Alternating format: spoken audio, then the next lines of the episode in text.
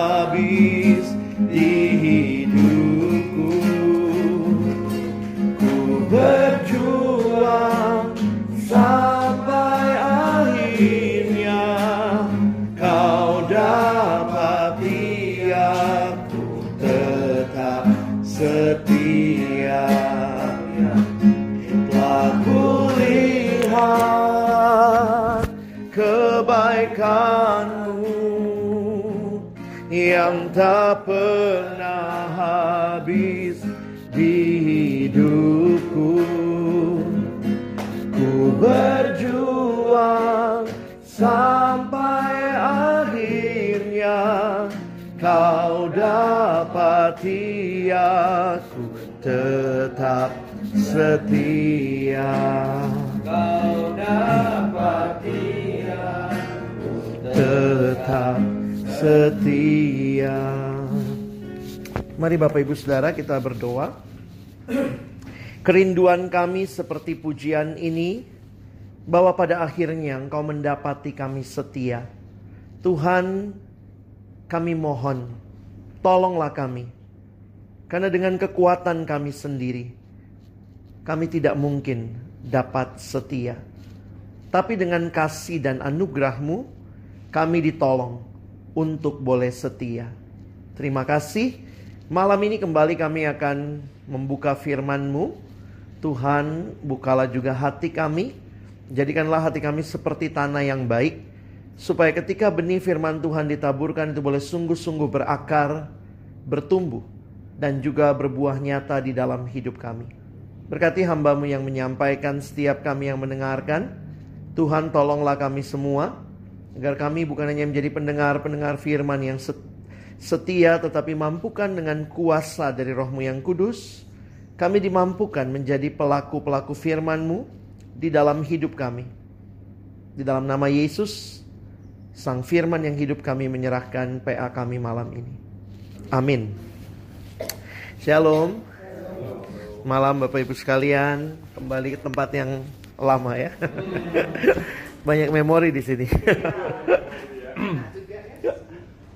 Yohanes pasal yang ke-18 akan menjadi bagian yang kita baca dan renungkan malam ini.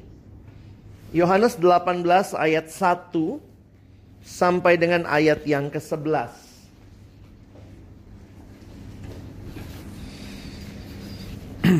Kita masih masuk minggu-minggu prapaskah. Ini namanya minggu sengsara sebenarnya ya. Jadi memang masa-masa ini kesempatan untuk merenungkan kembali apa yang terjadi dengan apa Tuhan kita Yesus Kristus. Teman memang karena sangat syarat dengan pemilu, bulan pemilu tahun politik, jadi kayaknya sengsara Yesus dipolitisasi gitu ya. Tapi mari sama-sama kita mau coba lihat juga um, perspektif dari Injil Yohanes. Ya nanti saya akan coba jelaskan beberapa hal yang saya nikmati, saya temukan dalam uh, belajar Injil Yohanes ini. Mari Bapak Ibu perhatikan ayat yang pertama sampai dengan ayat yang ke-11. Kita baca bergantian dari saya ayat 1 ke ibumu, Pak Yongki seterusnya ya. Yesus ditangkap. Setelah Yesus mengatakan semuanya itu, keluarlah ia dari situ bersama-sama dengan murid-muridnya dan mereka pergi ke seberang sungai Kidron. Di situ ada suatu taman dan ia masuk ke taman itu bersama-sama dengan murid-muridnya. Yudas yang mengkhianati Yesus tahu juga tempat itu karena Yesus ingin berkumpul di situ dengan murid-muridnya. Maka datanglah Yudas juga ke situ dengan pasukan prajurit dan penjaga-penjaga bait Allah yang disuruh oleh imam-imam kepala dan orang-orang Farisi lengkap dengan lentera, sulu dan senjata. Maka Yesus yang tahu semua yang akan menimpa dirinya maju ke depan dan berkata kepada mereka, Siapakah yang kamu cari?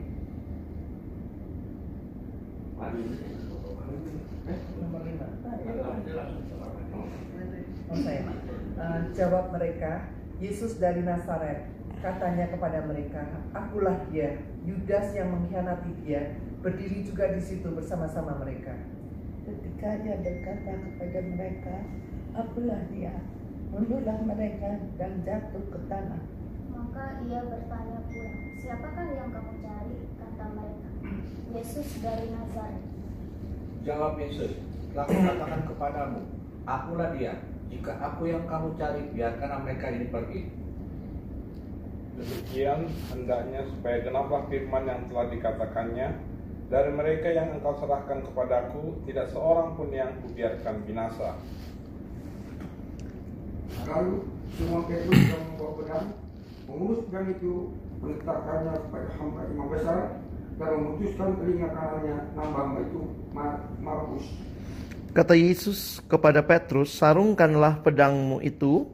Bukankah aku harus minum cawan yang diberikan Bapa kepadaku?" Bapak Ibu yang dikasihi Tuhan, di dalam Alkitab ada cerita yang berulang atau yang kita biasa sebut dengan bagian yang paralel. Kalau lihat di Alkitab cetak seperti ini, maka dikasih tahu ya, cerita ini paralelnya dengan ayat di mana saja. Di Matius ada, di Markus ada, di Lukas juga ada. Nah, empat Injil kalau kita pelajari empat Injil yang ada di dalam Alkitab kita, tiga itu disebut sebagai Injil sinoptik. Itulah Matius, Markus, Lukas. Apa arti sinoptik? Sinoptik berarti sama. Jadi eh, kenapa sama? Karena tiga Injil ini menggunakan nampaknya bahan yang sama dari sejarah gereja kalau kita perhatikan. Dan yang menarik memang ceritanya eh, sangat mirip. Agak berbeda kalau baca Injil Yohanes. Karena itu Yohanes ini tidak masuk Injil sinoptik. Penulisan gaya penulisan Injil Yohanes sedikit berbeda. Para teolog mengatakan Injil Yohanes sifatnya lebih teologis. Ini juga tentu ada teologianya ya, tetapi ini lebih bersifat naratif. Sehingga nanti kalau kita perhatikan tidak heran di dalam Injil sinoptik aja ada perbedaan. Injil sinoptik ada perbedaan. Waktu baca Injil Yohanes lebih beda lagi. Lalu mungkin muncul pertanyaan. Loh berarti Alkitab kontradiksi. Nah kita mesti mengerti terlebih dahulu pemahaman tentang perbedaan. Di mana di dalam Alkitab, kalau kita pahami, setiap Injil itu tidak saling melengkapi. Maksudnya apa? Waktu Matius menulis, ya memang dia menulis dari sudut pandangnya dia. Dan itu sudah lengkap. Bukannya uh, Markus kurang nulis, lalu Matius melengkapi, makanya Matius lebih panjang. Tidak. Injil tidak saling melengkapi. Injil pada masa itu punya pembacanya masing-masing. Yang baca Injil Matius misalnya orang-orang Yahudi. Yang baca Injil uh, Markus misalnya ya tentu juga orang Yahudi awalnya tapi mungkin juga bagi orang-orang yang bukan Yahudi. Kalau Lukas lebih jelas lagi itu untuk seorang bernama Theophilus yang kemungkinan besar bukan orang Yahudi. Nah, kenapa ini jadi penting Bapak Ibu sekalian? Karena setiap penulis Injil punya sudut pandang yang menarik. Beda menarik dan ya mirip lah kayak kita sekarang nonton TV ya. Menjelang politik begini.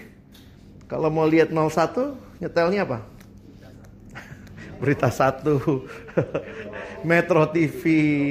Kalau mau 02, TV One gitu ya. Jadi itu pun kelihatan sekali gitu ya. Nah ternyata bisa jadi sebuah peristiwa yang sama disorot dari kacamata yang berbeda. Itu jadi beda. Tetapi apakah itu kontradiksi? Belum tentu. Contoh begini ya. Ada kecelakaan mobil lah ya. Mobil sama mobil tabrakan gitu ya. Misalnya gitu ya. Dua mobil tabrakan. Lalu kemudian ada empat, sorry, ada empat saksi mata. Saksi mata pertama ceritanya begini. Kasian ya, mobilnya hancur banget. Pasti nggak selamat tuh orang. Terus saksi mata kedua, wih, yang meninggal dua orang masih muda, laki-laki dan perempuan. Ini laporannya. Yang ketiga, waduh, ini dua orang ini baru lulus S2 dari luar negeri. Lalu yang keempat, kasihan banget. Mereka salah sendiri karena melanggar lalu lintas. Pertanyaannya, laporannya beda? Beda. Kontradiksi? Enggak. Kelihatan akhirnya, akhirnya kita jadi tahu, oh kita dapat wawasan lebih luas. Tetapi ketika masing-masing memberi keterangan, sedang menyoroti hal yang berbeda. Kontradiksi kalau ternyata yang satu bilang ini mobilnya merah sama putih. Terus kemudian yang satu bilang enggak, ini kuning sama hijau. Nah, itu kontradiksi. Tetapi sering kali di dalam Injil yang kita temukan bukan kontradiksi. Memang Injil Matius sama Markus mungkin beda nyatetnya. Beda belum tentu kontradiksi. Tetapi setiap orang punya sudut pandang. Yang penggemar mobil mungkin sudut pandangnya kasihan banget tuh mobil ya. Gila harga mobilnya mahal begitu, hancur, remuk, waduh. Yang satu lihatnya siapa yang di dalamnya.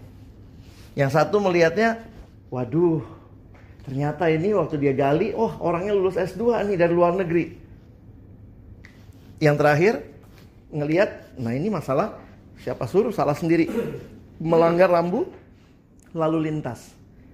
Nah, cara pandang seperti ini jangan membuat kita lalu mengatakan bahwa gitu Injil ini nggak bisa dipercaya kok beda-beda. Toh perbedaannya akhirnya menolong kita melihat penekanan masing-masing penulis. Uniknya, kalau kita ingat Yudas menyerahkan Yesus, apa yang paling kita ingat? Yudas ngapain waktu nyerahin Yesus? cium Tuhan Yesus. Yohanes nggak nyatet. Yang kita baca tadi, dia nggak nyatet soal cium, mencium. Jadi ini jadi menarik nih. Kenapa Yohanes tidak mencatat masalah ciuman? Apakah itu tidak penting buat dia? Tapi jangan kemudian oh karena Yohanes nggak catat berarti Yudas nggak nyium Yesus. Karena Injil lain menyatakan Yudas mencium Yesus. Nah, ada beberapa hal yang menarik yang kita bisa perhatikan dari sudut pandangnya Yohanes. Karena waktu Yohanes menulis Injilnya, dia menempatkan cerita Yesus diserahkan, Yesus ditangkap, itu pun tentu ada dalam kerangka besar Injilnya. Nah, kita cari perbandingannya sebentar. Coba misalnya kita bandingkan dengan Injil Matius. Kita lihat paralelnya. Saya ingin menolong kita melihat beberapa hal. Matius pasal 26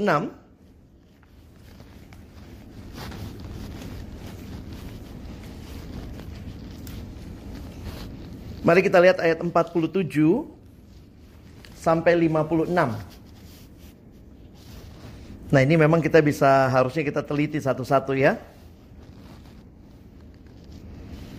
Pada waktu Yesus masih berbicara, datanglah Yudas, salah seorang dari kedua belas murid itu, dan bersama-sama dia serombongan besar orang yang membawa pedang dan pentung disuruh oleh imam-imam kepala dan tua-tua bangsa Yahudi.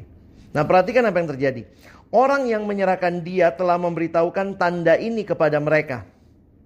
Maksudnya Yudas sudah kasih tahu nih, orang yang akan kucium itulah dia, tangkaplah dia.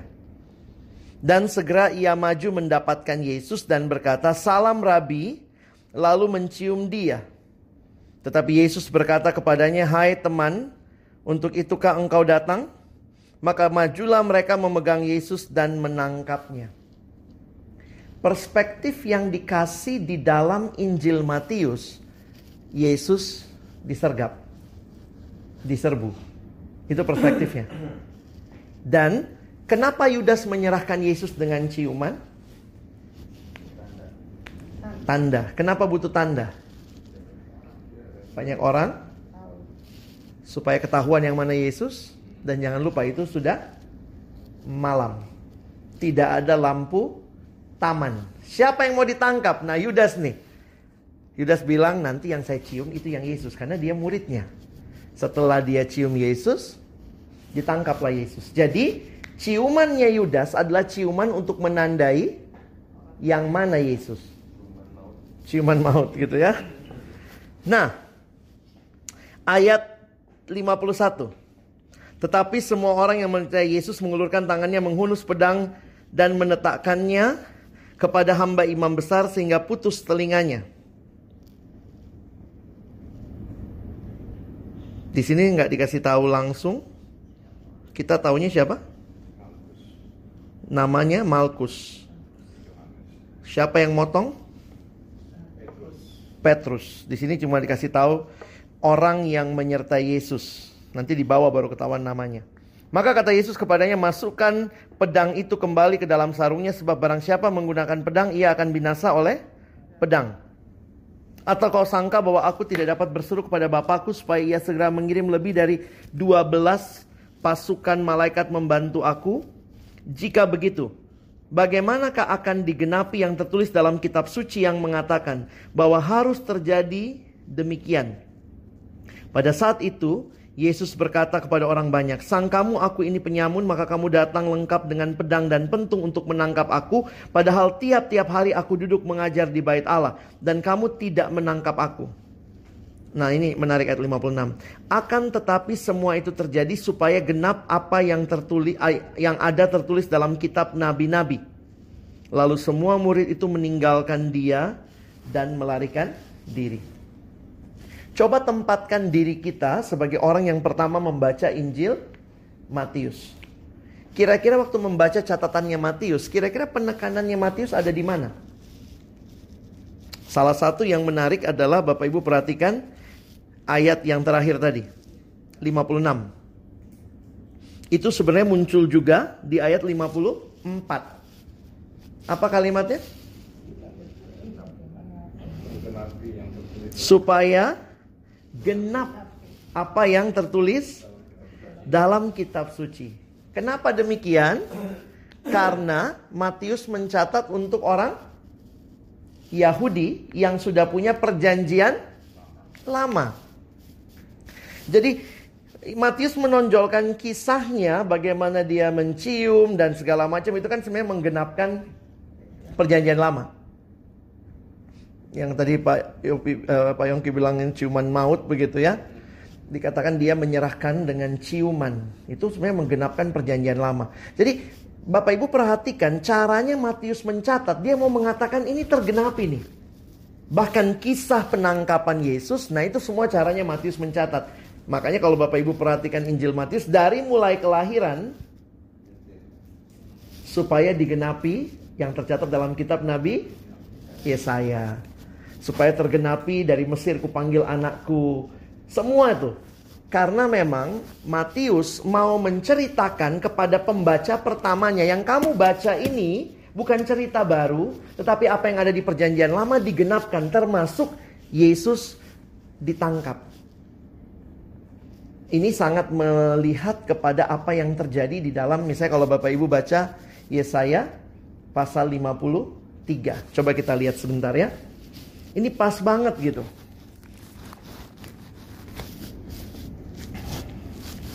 Yesaya 53 di perjanjian lama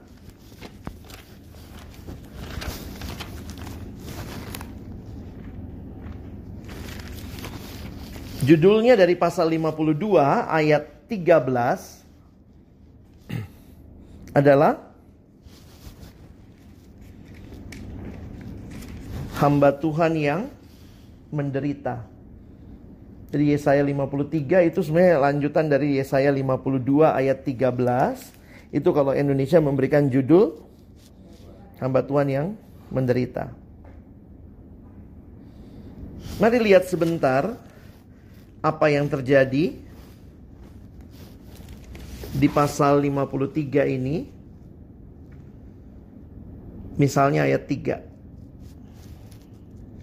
Ia dihina dan dihindari orang. Orang yang penuh kesengsaraan yang tidak biasa menderita, yang biasa menderita kesakitan, ia sangat dihina sehingga orang menutup mukanya terhadap dia dan bagi kita pun dia tidak masuk hitungan. Tetapi sesungguhnya penyakit kita lah yang ditanggungnya dan kesengsaraan kita yang dipikulnya, padahal kita mengira dia kena tulah, dipukul dan ditindas Allah. Tetapi dia tertikam oleh karena pemberontakan kita, dia diremukkan oleh karena kejahatan kita, ganjaran yang mendatangkan keselamatan bagi kita ditimpakan kepadanya dan oleh bilur-bilurnya kita menjadi sembuh. Ayat 6. Kita sekalian sesat seperti domba masing-masing kita mengambil jalannya sendiri tetapi Tuhan telah menimpakan kepadanya kejahatan kita sekalian. Ayat 7. Dia dianiaya tetapi dia membiarkan dirinya ditindas dan tidak membuka mulutnya. Seperti anak domba yang dibawa ke pembantaian, seperti induk domba yang keluh di depan orang-orang yang menggunting bulunya, ia tidak membuka mulutnya. Dan seterusnya. Jadi memang kalau kita baca catatan sinoptik tentang Yesus ditangkap, itu gambarannya persis kayak ya emang begitu harus terjadi. Dan Yesus tidak melawan, tidak melakukan perlawanan dan itu semua kelihatannya Yesus menjadi tanda kutip korbannya dari situasi itu. Dan kalau kita lihat akhirnya sampai dia mati di kayu salib, ini menggenapkan Yesaya 53. Nah, tetapi ada hal yang menarik kalau lihat catatannya Yohanes. Kita kembali ke Yohanes 9 18. Kenapa saya katakan menarik? Karena kita nggak ketemu cium mencium di sini. Kalau begitu, apa gunanya Yudas? Kalau kita ingat kan, misalnya Bapak Ibu baca Injil Yohanes aja nggak pernah baca Injil, Injil yang lain. Berarti kita nggak ngerti nih Yudas tujuannya apa? Karena kalau di Injil lain Yudas tujuannya ngasih tahu yang mana Yesus. Terus kalau di Injil Yohanes kira-kira tugasnya Yudas ngapain? Ada Bapak Ibu yang mungkin mau kasih pendapat? Coba lihat ayat 2. Yohanes 18 ayat 2. Apa tugasnya Yudas? Buat memberitahukan tempat. Emangnya Yesus ke mana sih? Nah ternyata di Injil Yohanes, Yohanes mencatatnya menarik nih. Yohanes, Yesus itu hanya muncul sampai pasal 12. Di depan umum. Sampai pasal 12 inilah Yesus muncul di depan umum. Jadi mulai Yohanes 13 sampai selesai itu sampai dia ditangkap, Yesus tidak muncul di depan umum. Itu Yesus ngajarnya kepada murid-murid. Nah ini jadi menarik nih. Mulai pasal 13 sampai 17. Kalau kita ingat ya 13 itu kalau pakai kalender gerejawi itu kayaknya Kamis Putih. Itu sudah sama murid tuh. Nah, cara Yohanes mencatat terakhir Yesus muncul di depan publik itu Yohanes 12.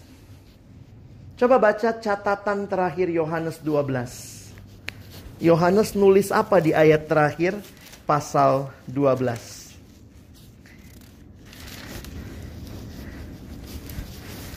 Mungkin nggak persis di akhir ya. Coba lihat ayat 36.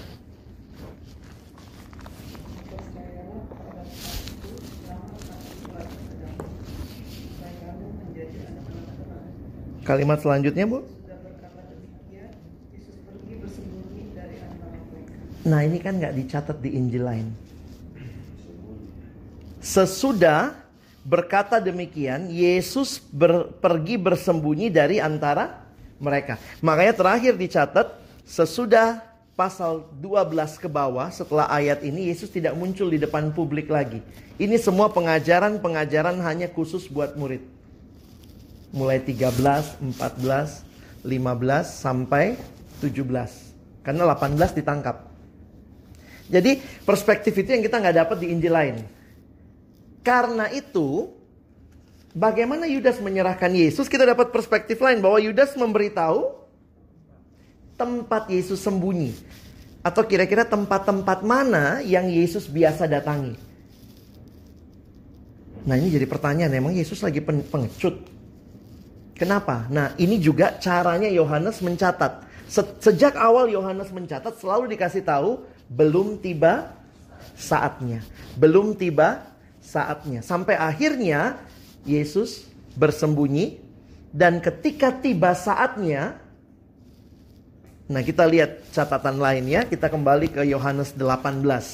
Nah, itu hal-hal yang kita nggak temukan di Injil Sinoptik, tapi kelihatan jelas sekali di Injil Yohanes.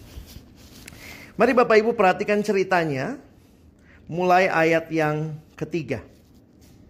Maka datanglah Yudas juga ke situ dengan sepasukan prajurit. Ini di dalam bahasa lain, bahasa Inggrisnya atau bahasa aslinya, ini prajurit Romawi yang dibawa. Itu satu kompi Bapak Ibu. Sehingga ada yang berkata mungkin Taman Getsemani kan Yesus di Taman Getsemani ya biasa kumpul di situ. Kayaknya tamannya dikepung. Ada yang menafsirkan bahkan kalau ikuti kalimatnya prajurit itu yang dikasih tahu jumlahnya ribuan. Nah kalau betul tafsiran itu ini lagi penyergapan malam-malam nih. Lihat yang datang prajurit itu Romawi penjaga-penjaga bait Allah, itu orang-orang di bait Allah, bait Allah punya prajurit sendiri, disuruh oleh imam-imam kepala dan orang Farisi lengkap dengan lentera, sulu dan senjata. Mungkin muncul pertanyaan, kenapa sampai mesti datang? Ini kayak nangkap satu orang kok sebegitu banyak yang datang? Ini karena dari cara Yohanes bercerita, berkali-kali mereka mau menangkap Yesus, tapi Yesus selalu lolos. Bapak Ibu masih ingat ceritanya? Kalau di Yohanes selalu catat itu. Mereka mau jadiin dia raja. Mereka mau menangkap dia. Tapi dia lolos dari mereka. Jadi memang kelihatan dengan jelas dari catatannya Injil Yohanes tuh ya begitu. Cerita yang dia mau bangun. Sehingga waktu semua datang. Perhatikan ayat 4. Ini sangat beda dengan Injil lain. Maka Yesus yang tahu semua yang akan menimpa dirinya maju ke depan dan berkata kepada mereka.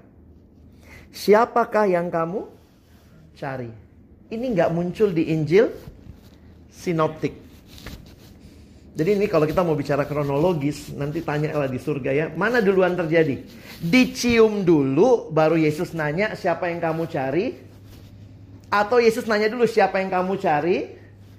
Lalu kemudian maju lagi si, si Yudas untuk mencium, untuk memastikan. Tapi menariknya, lihat kalimatnya. Maka Yesus yang tahu semua akan terjadi maju ke depan dan berkata kepada mereka, "Siapakah yang kamu cari?" Jawab mereka, "Yesus dari Nazaret." Katanya kepada mereka, "Akulah dia." Yudas yang mengkhianati berdiri juga di situ bersama-sama mereka. Ketika ia berkata kepada mereka, "Akulah dia," mundurlah mereka dan jatuh ke tanah. Ini lucu juga ya adegannya. Siapa? Aku. Lu kaget gitu. Kaget malah mundur malah jatuh. Lalu kemudian mereka tanya lagi. Yesus tanya lagi ya. Ayat 7. Maka ia bertanya pula, siapakah yang kamu cari? Kata mereka Yesus dari Nazaret. Jawab Yesus telah kukatakan kepadamu akulah dia. Jika aku yang kamu cari biarkanlah mereka ini pergi. Mungkin di titik itu Yudas nyium. Benar nih. Karena dari kalimat ini kira-kira Bapak Ibu nangkep apa ya? Coba lihat baik-baik ayat 8. Kenapa kalimatnya demikian? Apa yang mau ditunjukkan oleh Yesus?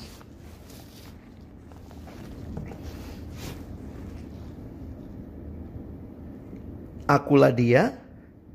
Jika aku yang kamu cari, biarkanlah mereka ini pergi. Siapa itu mereka? Murid-murid. Di Injil lain, catatan-catatannya menggenapkan apa yang ada di Perjanjian Lama. Tetapi di Injil Yohanes, tindakan Yesus berani maju itu apa yang mau dia sampaikan? Kalau aku yang ditangkap, aku aja yang tangkap. Jangan yang mereka. Apa yang Yesus tunjukkan Bapak Ibu? Sudah tiba waktunya. Apa sikapnya kepada murid? Melindungi. Di Injil lain nggak kelihatan itu. Saya waktu sadar hal ini, kayak kagum gitu ya. Kita kadang-kadang kalau lihat Yesus di Injil lain kayak bowat gitu ya, sudahlah Emang udah waktunya udah ketangkep, ketangkep deh. Tapi di titik itu Tuhan sedang menyatakan ini aku yang ditangkap saya saja, bukan mereka. Dan perhatikan kalimat bawahnya. Jadi ini mesti nyambung ya. Demikianlah hendaknya supaya genaplah firman yang telah dikatakannya. Dari mereka yang engkau serahkan kepadaku tidak seorang pun yang kubiarkan binasa. Kalau betul prajurit begitu banyak, maka paling gampang ya ditangkap semua aja. Ini kan kelompok subversif. Jangan cuma Yesus. Pertanyaannya, dari yang firman yang telah dikatakannya, emang Yesus ngomong apa? Kapan dia ngomongnya? Ini bukan perjanjian lama. Yesus ngomongnya di Yohanes 17. Itu doa Yesus. Bapak Ibu perhatikan Yohanes 17 ya. Ayat 12. Selama aku bersama mereka, aku memelihara mereka dalam namamu, yaitu namamu yang telah engkau berikan kepadaku. Aku telah menjaga mereka dan tidak ada seorang pun dari mereka yang binasa selain daripada dia yang telah ditentukan untuk binasa. Supaya genaplah yang tertulis dalam kitab suci. Jadi cara Yohanes mencatat Yesus sangat mengasihi muridnya bahkan memberikan perlindungan yang total kepada mereka. Bapak Ibu mungkin masih ingat kalimat Yohanes 13 ayat 1. Yohanes 13 ayat 1 bagi saya ini kalimat sungguh luar biasa. Sementara itu, sebelum hari Paskah mulai, Yesus telah tahu bahwa saatnya sudah tiba untuk beralih dari dunia ini kepada Bapa. Sama seperti ia senantiasa mengasihi murid-muridnya, demikianlah sekarang ia mengasihi mereka sampai kepada kesudahannya. Nah, ya, sisi ini yang jarang kita lihat di Injil yang lain. Lihat lagi, apa bukti kasihnya? Yohanes 15 ayat 11 Semuanya ini kukatakan kepadamu supaya sukacitaku ada dalam kamu dan sukacitamu menjadi penuh. Ayat 12. Inilah perintahku yaitu supaya kamu saling mengasihi seperti aku telah mengasihi kamu. 13. Tidak ada kasih yang lebih besar daripada kasih seorang yang memberikan nyawanya untuk sahabat-sahabatnya. Kamu adalah sahabatku jikalau kamu berbuat apa yang kuperintahkan kepadamu. Aku tidak menyebut kamu lagi hamba. Sebab hamba tidak tahu apa yang diperbuat oleh tuannya. Tapi aku menyebut kamu sahabat. Karena aku telah memberitahukan kepada kamu segala sesuatu yang telah kudengar dari Bapakku. Jadi lihat ceritanya. Gimana Yohanes membangun betapa Yesus mengasihi muridnya. Mengasihi muridnya sampai waktu dia ditangkap Fokus ceritanya adalah dia maju, dia justru masih melindungi murid-muridnya. Kita selesaikan sampai ayat 11 kembali ke Yohanes 18. Ayat 9-nya dulu ya. Demikianlah hendaknya supaya genaplah firman yang telah dikatakannya daripada mereka yang engkau serahkan kepadaku tidak seorang pun yang kubiarkan binasa. Lalu Simon Petrus yang membawa pedang menghunus pedang itu, menetakkannya kepada hamba imam besar dan memutuskan telinga kanannya. Nama hamba itu Malkus. Kata Yesus kepada Petrus, sarungkanlah pedangmu. Itu, bukankah aku harus meminum cawan yang diberikan Bapa kepadaku? Agak beda dengan kalimat Yesus kepada Petrus di Injil. Ini fokusnya adalah kamu tidak perlu membela aku. Sarungkan aja pedangmu.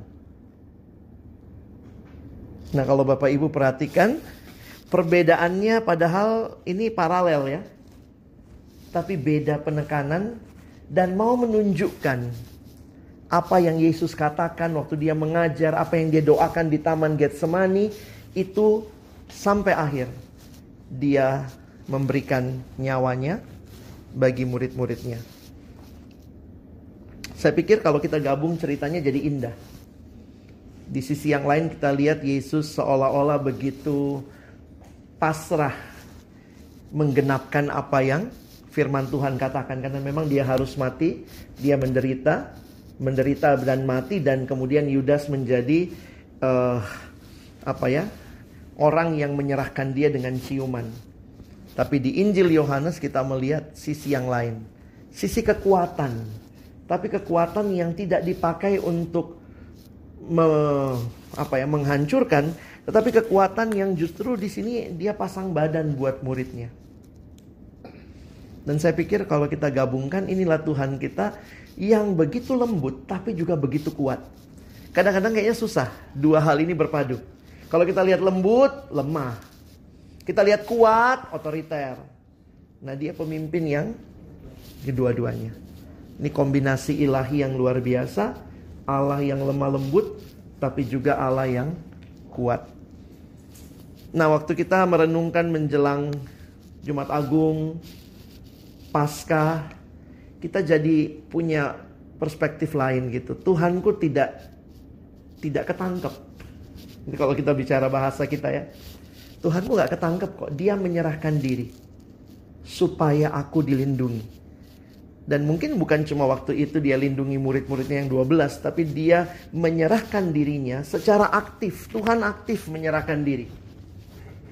Karena dia tahu itulah jalan keselamatan kita. Yesus tidak hanya kita lihat ketangkep. Dikepung ketangkep.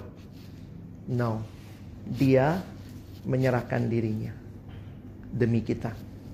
Nah ini perenungan yang saya rindu Bapak Ibu juga bisa nikmati, bisa yakini lagi. Kadang-kadang pergumulan hidup nggak mudah ya. Tapi waktu kita lihat lagi bahwa Tuhan ternyata di pergumulan dia yang begitu sulit pun masih memikirkan kita. Wah indah sekali tuh ya. Ada lagu yang bilang kan, e, ku di tanganmu, ku di hatimu, ku di pikiranmu gitu ya. Jadi kita tuh ada di dalam benaknya Tuhan, kasihnya Tuhan buat kita. Kiranya ini jadi uh, kekuatan buat kita ya. Iya. Betul pak.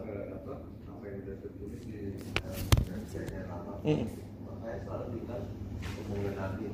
Mm -mm saya pikir kalau si Yudas saat itu dia nggak bunuh diri dan dia bertobat iya.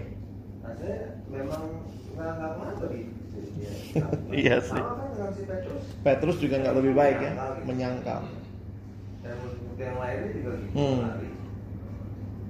yang di, yang salahnya sebetulnya kita apa ya pak ya apa karena dia nggak bertobat atau kalau kita lihat dari perspektif kita Ya kalau perspektif Allah kan kita nggak bisa juga bilang Yudas ini kayak korban aktor ada aktor intelektual yang bikin dia sampai berdosa. Tapi saya melihatnya itu Yudas tidak bertobat. Tidak bertobat ya Pak ya? Iya. Jadi terlepas terlepas dari itu rencana Tuhan atau tidak, Yudas punya pilihan itu, Pak. Saya yakin dia punya pilihan untuk tobat atau tidak. Makanya dia menyesalnya, tapi kenapa tidak? Kenapa malah bunuh diri? Kira-kira gitu ya. Karena dia balikin uangnya ya. Iya. Tragis juga ya Pak kalau yang sudah ini. Ngeri. Pak. Udah tiga tahun setengah sama Tuhan Yesus sudah menikmati. Makanya kalau Pak Stephen Tong bilang masalah Yudas bukan di ininya, bukan di gurunya. Dia dapat guru terbaik loh sepanjang zaman gitu. Tapi memang ada terlepas dari rencana Tuhan digenapi, tetap itu salahnya Yudas. Orang yang berpikiran negatif Pak yang udah ditentukan. Kenapa Allah menentukan ada Yudas? Nah itu kadang bicara rencana Allah yang sebenarnya kita nggak tahu ya Bu. Tapi yang kita lihat adalah Yudas punya pilihan bertobat. Hmm. Saya yakin sekali Tuhan tidak membuat kita jadi robot gitu ya. Karena dia tiga. Karena, nah ini ini yang saya pernah bahas juga saya lupa saya udah bahas di sini nggak. Yudas tuh fokusnya ikut Yesus dapat apa? Tapi Yesus sebenarnya sedang menunjukkan ke murid-muridnya ikut aku tuh bukan dapat apa tapi memberi apa. Sebenarnya kan. Yesus memberi segala-galanya buat murid. Teologinya kemakmuran. Makanya saya, saya ngerti loh kalau hamba-hamba Tuhan yang takut banget sama orang yang teologi kemakmuran. Karena ajaran Tidak- itu, tidak dikhianati ya. iya nanti kalau misalnya nggak dapat pak, itu deh. akhirnya yang disalahin. Hmm. Makanya saya pernah bilang juga mungkin kalau Bapak Ibu ingat gitu ya, 30 keping perak itu murah. Itu tuh bukan harga yang itu kalau kalau mau ngejual Yesus benar-benar ini ya, ya jualnya berapa kek? Nah, makanya beberapa penafsir mengatakan Yudas tuh udah kayak begini nih. Udah tinggalin semua. Eh, dia ngajak gua mati lagi kan Yesus bilang ayo kita mati sama-sama di Yerusalem. Sehingga daripada nggak dapat apa-apa, 30 jadi deh. Jadi kayak memang di di benaknya tuh. Nah itu beberapa juga akhirnya yang itu Pak Yongki kan bilang ya dia nggak nyangka nih Yesus bisa jadi mati nih kan. Ya memang ada yang bilang teori itu, ada yang bilang tapi intinya dia balikin tuh duit kan. Jadi memang kalau ditanya untuk untuk uang, iya iya juga. Berarti Yudas bukan kurang percaya kita ya. Lihat akhirnya ya. Nah, Kita kita akhirnya lihat akhir hidupnya. ya, iya. Jadi. Nah itu yang itu misterinya di situ bu ya. Akhirnya kan kita juga nggak tahu kan yang mana yang percaya yang mana enggak itu cuma orang itu sama Tuhan tapi ternyata orang yang percaya harusnya memilih apa yang Tuhan mau. Tapi ada kata-kata kan. Iya. Sebenarnya dalam Dia lahir, orang cuma- lebih baik dia tidak lahir daripada ini ya. Yang orang suka pakai. Ada ada eh, di dalam Matius sebenarnya lebih lebih tegas. Tapi tegasnya memang ngeri sih Pak karena dibilang kerasukan iblis dua kali itu muncul. Ketika itu iblis sudah merasuki si Yudas gitu ya. Saya kalau Bapak Ibu perhatikan di Matius Oh bukan, sorry. Kok malah bilangnya di Matius? Ya, di Yohanes. Cara Yohanes mencatatnya ya, kalau kita perhatikan sebentar. Ini sudah ditangkap ya. Kita perhatikan, nah di Yohanes itu kan dia menyangkalnya di pasal 13. Yesus memperingatkan Yudas. Kita baca dulu 13 ayat ayat yang kedua. Mereka sedang makan bersama dan iblis telah membisikkan rencana dalam hati Yudas Iskariot, anak Simon untuk mengkhianati dia. Nah, muncul lagi nanti di pasal 13 ayat yang ke 27. Dan sesudah Yudas menerima roti itu, ia kerasukan iblis. Maka Yesus berkata kepadanya, apa yang hendak kau perbuat, perbuatlah dengan segera. Mungkin istilah kerasukan iblis bukan kayak orang kerasukan setan, tapi maksudnya kehendaknya ngikutin apa yang iblis mau.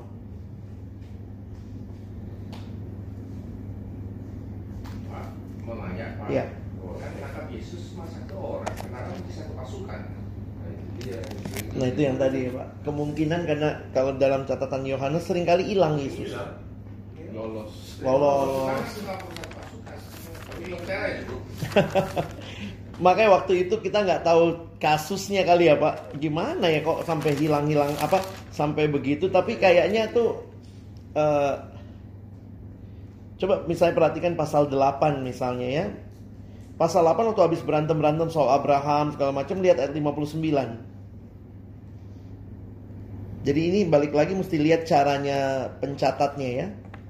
Yohanes 8 ayat 59 Lalu mereka mengambil batu untuk melempari dia Tetapi Yesus menghilang Dan meninggalkan bait Allah Apakah hilangnya supranatural?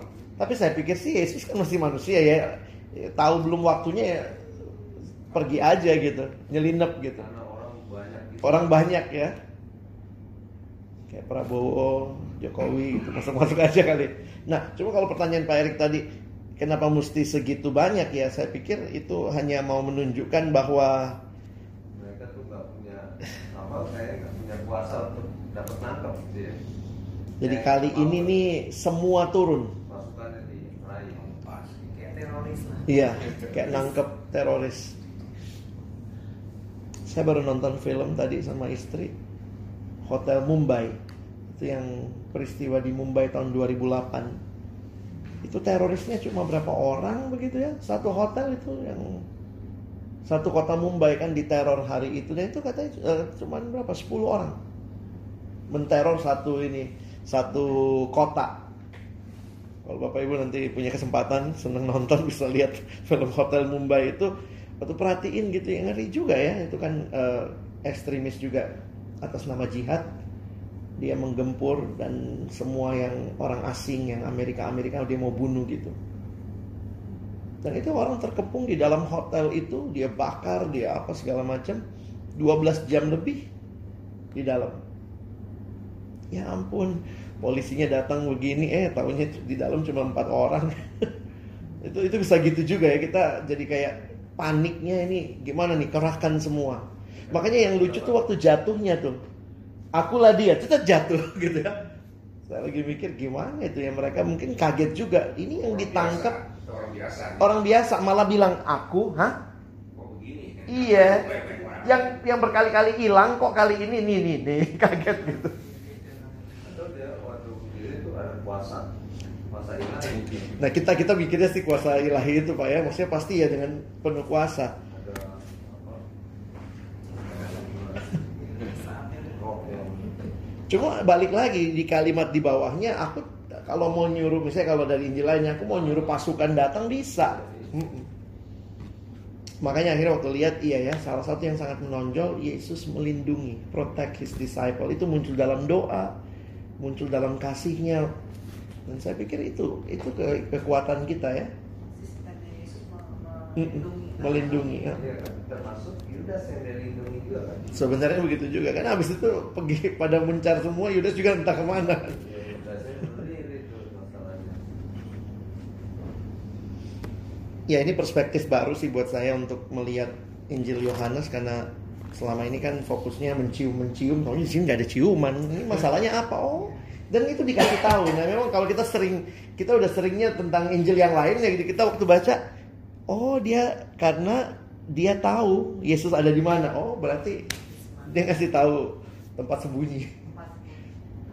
Memang kalau pengkhianat ya semua lah ya dia jual jadi dia jual informasi Kepikiran Pak ini Yesus ini punya super power. Banyak orang baru bisa Gitu diatasin ya. padahal gampang banget nangkepnya pak super power ya memang apa ya eh, agak-agak sedikit unik memang kalau lihat di Injil lain kan dia makin dikenal makin dikenal makin dikenal tapi di Injil Yohanes makin dikenal dia makin ngumpet makin ngumpet gitu sampai terakhir muncul sendiri gitu